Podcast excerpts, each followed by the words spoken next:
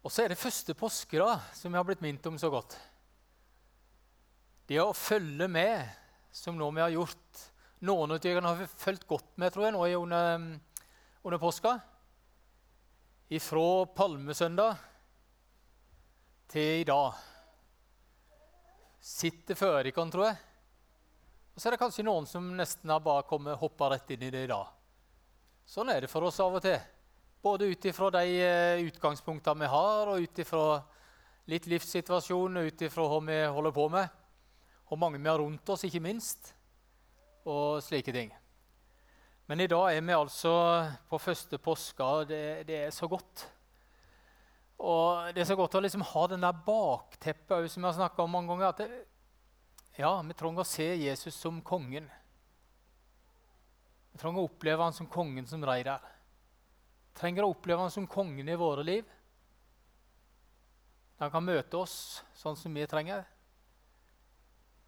Vi trenger å møte han som den som eh, lot seg tjene, og som tjente de andre var der og vaska disiplenes føtter.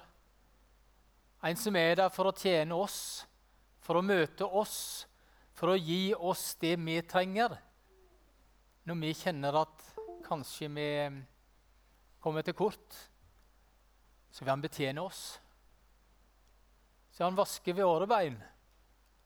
Ikke nødvendigvis sånn bokstavelig, men vaske oss rein. Gjøre noe for oss. Så den bønnen han ba i Getsemane, òg er for oss. Så opplever vi langfredag. Med alt det den hadde i seg. Med den, eh, for å si det på mange måter, grufulle fortellinga. Men allikevel så uendelig viktig for oss. Så uendelig betydningsfullt. Hadde vi liksom bare hoppa over langfredag, så hadde det ikke vært noe for oss. i grunn. Ja, Da tror jeg ikke vi hadde fått noen påskedag heller å feire. For da hadde det ikke vært noen oppstandelse ennå. Men døden var der. Han døde for vår skyld. Og ikke bare han døde for vår skyld, men det var fullbrakt. Og så kommer dagen i dag. Når noen har med seg flagg, og da vi kan feire han er oppstått. Jesus lever. Og så er kanskje ikke alle der i den begeistringa, men prøv allikevel å kjenne på noe av dette her, og det betyr at vi har med en frelser å gjøre som er stått opp, som lever. Som ikke bare er en historie, som ikke bare er en historisk fortelling, som ikke bare er noe sånn som skjedde en gang, men som gjør at vi kan vite at han er og lever i dag. Og på grunn av hans oppstandelse så kommer det en oppstandelse for oss òg en dag. Fra dette livet, ja, og inn i en evighet. Tør du å la deg begeistre, for å si det sånn? Tør du å la meg møte ut av denne personen?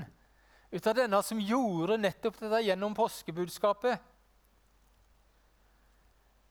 Eller sitter du der sånn som de første disiplene gjorde? Litt redde etterpå? litt undrende.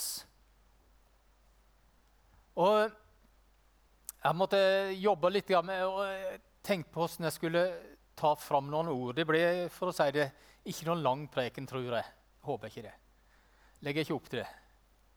For det at jeg visste at Marte skulle si noe, det er så flott å ha det med. og Derfor føler jeg det skal ha sin, sin plass. Så jeg skal ikke bare Men, men allikevel at vi kan kjenne litt på det som skjedde, og det som det betydde at Jesus sto opp igjen. At det var for det.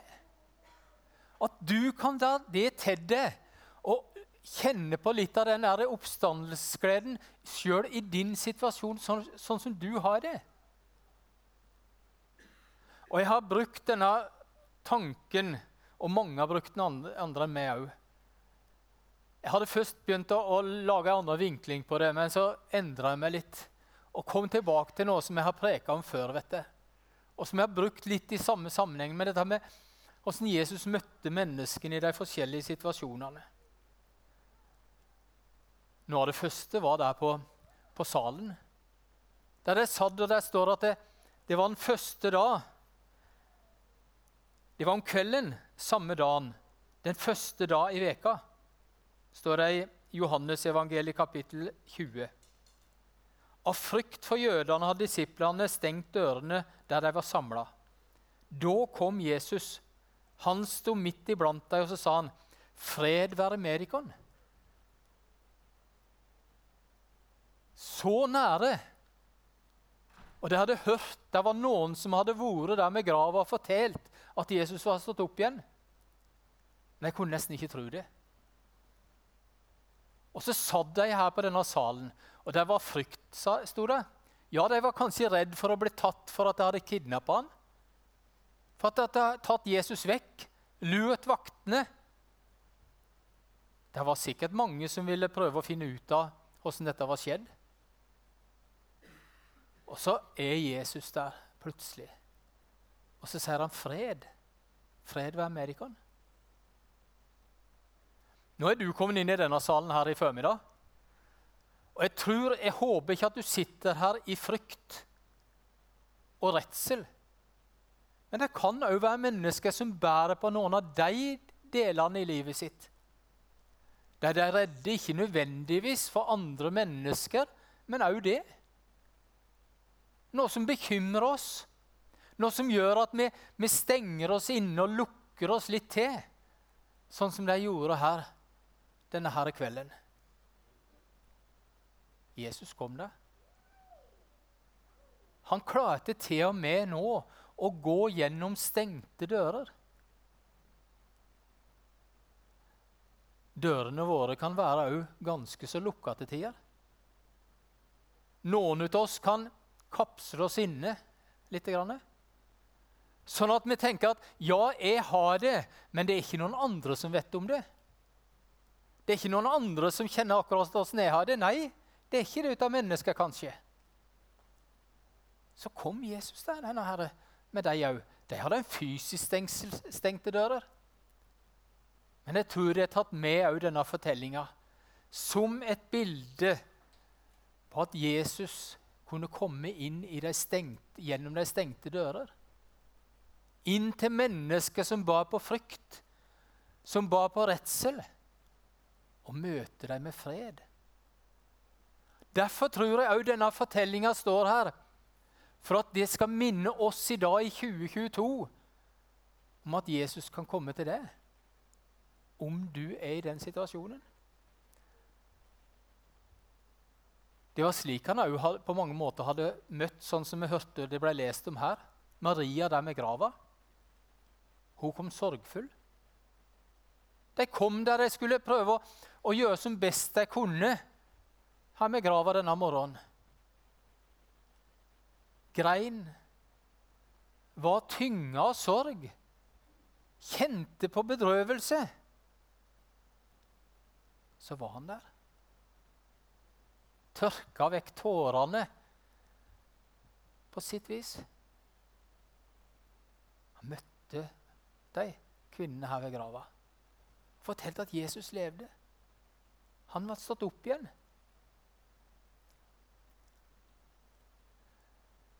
Jeg tror noen av oss som har opplevd sorg over å miste noen, f.eks. Kjenner på tap av noen mennesker i livet vårt. Enten det er ektefelle, unger, foreldre, venner. Det er ikke bestandig livet utapå sitt, eller, eller sitt utapå. Åssen føler de? Hvordan, kjenner, hvordan vi mange ganger merker den lengten som kan være der. Den er ikke like synlig blant andre. Det er ikke alltid de tårene vi griner, blir sett av andre. Om vi har de enten de er fysisk utafor eller inni oss. Så kommer Jesus. Og så vil han komme i slike situasjoner de kan. Og sier at 'Jeg har stått opp igjen. Jeg lever.' Jeg er der for det. Jeg vil være i din situasjon, slik som du har det. Vi tar dem litt kjapt her. Eksemplene det som Bibelen forteller oss. Og det er så fint Man kan ta noen bibelske eksempler òg. Peter, fornekteren. Venn, sa Jesus. Helst til han. Helst til Peter. Det var den hilsinga som kom, sjøl om han hadde fornekta. Så tror jeg mange av de som sitter hjemme i dag, har en bekjennende tro på Jesus. Men så kan det òg være livssituasjoner som de kan kjenne på har vært utfordrende for at de kan ikke kan stå for det de kan egentlig tror. De kan ha svikta Jesus.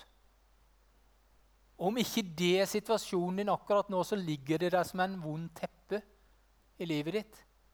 At ikke du tøte å bekjenne at du falt. Så kommer det hilsener fra Jesus. Det er herre som gikk på vei til Emmaus. De skjønte ikke hvem han var. De bare fortalte om det som hadde hendt, snakka seg imellom. Undra seg på åssen dette kunne være. Og så åpner Jesus seg for dem. Gjennom Skriftene, gjennom Ordet, så ser de hvem han er. De som kjente seg så ensomme òg. Så kom Jesus. Så var han der. Han levde. Han var stått opp igjen. Han var der for deg. Eller Thomas. Det var rett etterpå her i Melasom. Han var ikke sammen med deg den kvelden, første kvelden der. Men når de var sammen igjen, så kom han og sa ja, nei, ja, det, jeg skjønner dere kan har opplevd noe, men jeg kan ikke tro det. Kan det være sant? Kanskje du òg har levd kristenlivet lenge nå? Noen av dere? Og begynner å komme i en sånn en anfektelse, en sånn en utfordrende tankegang. Kan det være sant, dette som påska er? Så var Jesus der igjen. Viste han seg. Rekte han hendene til dem. Se naglemerkene mine. Jeg gjorde det for det. Jeg lever. Og så fikk Thomas òg tro. Paulus, til og med, som hadde vært en aktiv motstander av de kristne Han fikk møte Jesus momentant, for å si det sånn. Plutselig. Noen får et sånn møte med Jesus. Det er sterkt. Det er fint å høre vitnesbyrd om det. Når noen har møtt Jesus kraftig, om ikke det er så spesielt som det Paulus opplevde. Men opplevde at Jesus lever og er der for å se det. Det kan vi kunne ha tatt eksempler på eksempler. Og det betyr at Jesus lever, og det betyr at han er stått opp igjen. Han er her for oss alle de kan. Det er ikke én her inne i forsamlingen i dag som ikke Jesus kan møte sånn som du trenger til. Jeg kunne hatt samtale med flere av dere og sikkert funnet ut at ja, nå skal vi be om det, og nå skal vi snakke om det. Men så ser jeg allikevel ikke det innerste. Og så klarer ikke jeg allikevel å muligens følge mer eller et stykke på veien. Men så har vi heldigvis Vi har Jesus som lever. Vi har en hellig ånd som er her og forklarer ordet for oss. Som vil vise oss hvem han er, og som vil virke blant oss og imellom oss. Så kan det òg skje spesielle ting som ikke vi bestandig helt skjønner hvorfor skjer sånn og sånn. Kan det òg skje sånn spesielt som Marte fortalte om? Ikke så titt det skjer her på trauste Vegårshei. Men Jesus er den samme. Han lever enten han ble forkynt i Afrika eller her på Vegårshei. Han lever enten han er der for Marte, som opplever slike ting. For meg, som er ansatt som, i en menighet, jeg har ikke noen spesielle fortrinn, men jeg òg får lov til å oppleve det. Jeg får lov til å si 'Jesus, kom inn i mitt hjerte'. Må du leve med meg. Må du virke i mitt liv. Jeg trenger det, jeg òg. Jeg er så uendelig avhengig av at han får lov til å vise seg som den levende for meg òg. Jeg kan oppleve òg mine stengte dører. Perioder med sorgen som tar meg mer enn andre perioder. Opplever òg åssen tvilen kan komme. Åssen ensomheten kan òg virke i mitt liv. Er ikke forskåna for det heller. Og du, du har din situasjon. Ta nå med deg da. La, be rett og slett Jesus om å komme inn. De stengte dørene du måtte ha i ditt liv. Og så ønsker han å komme. Ikke med pekefingeren. Ikke med fy-fy.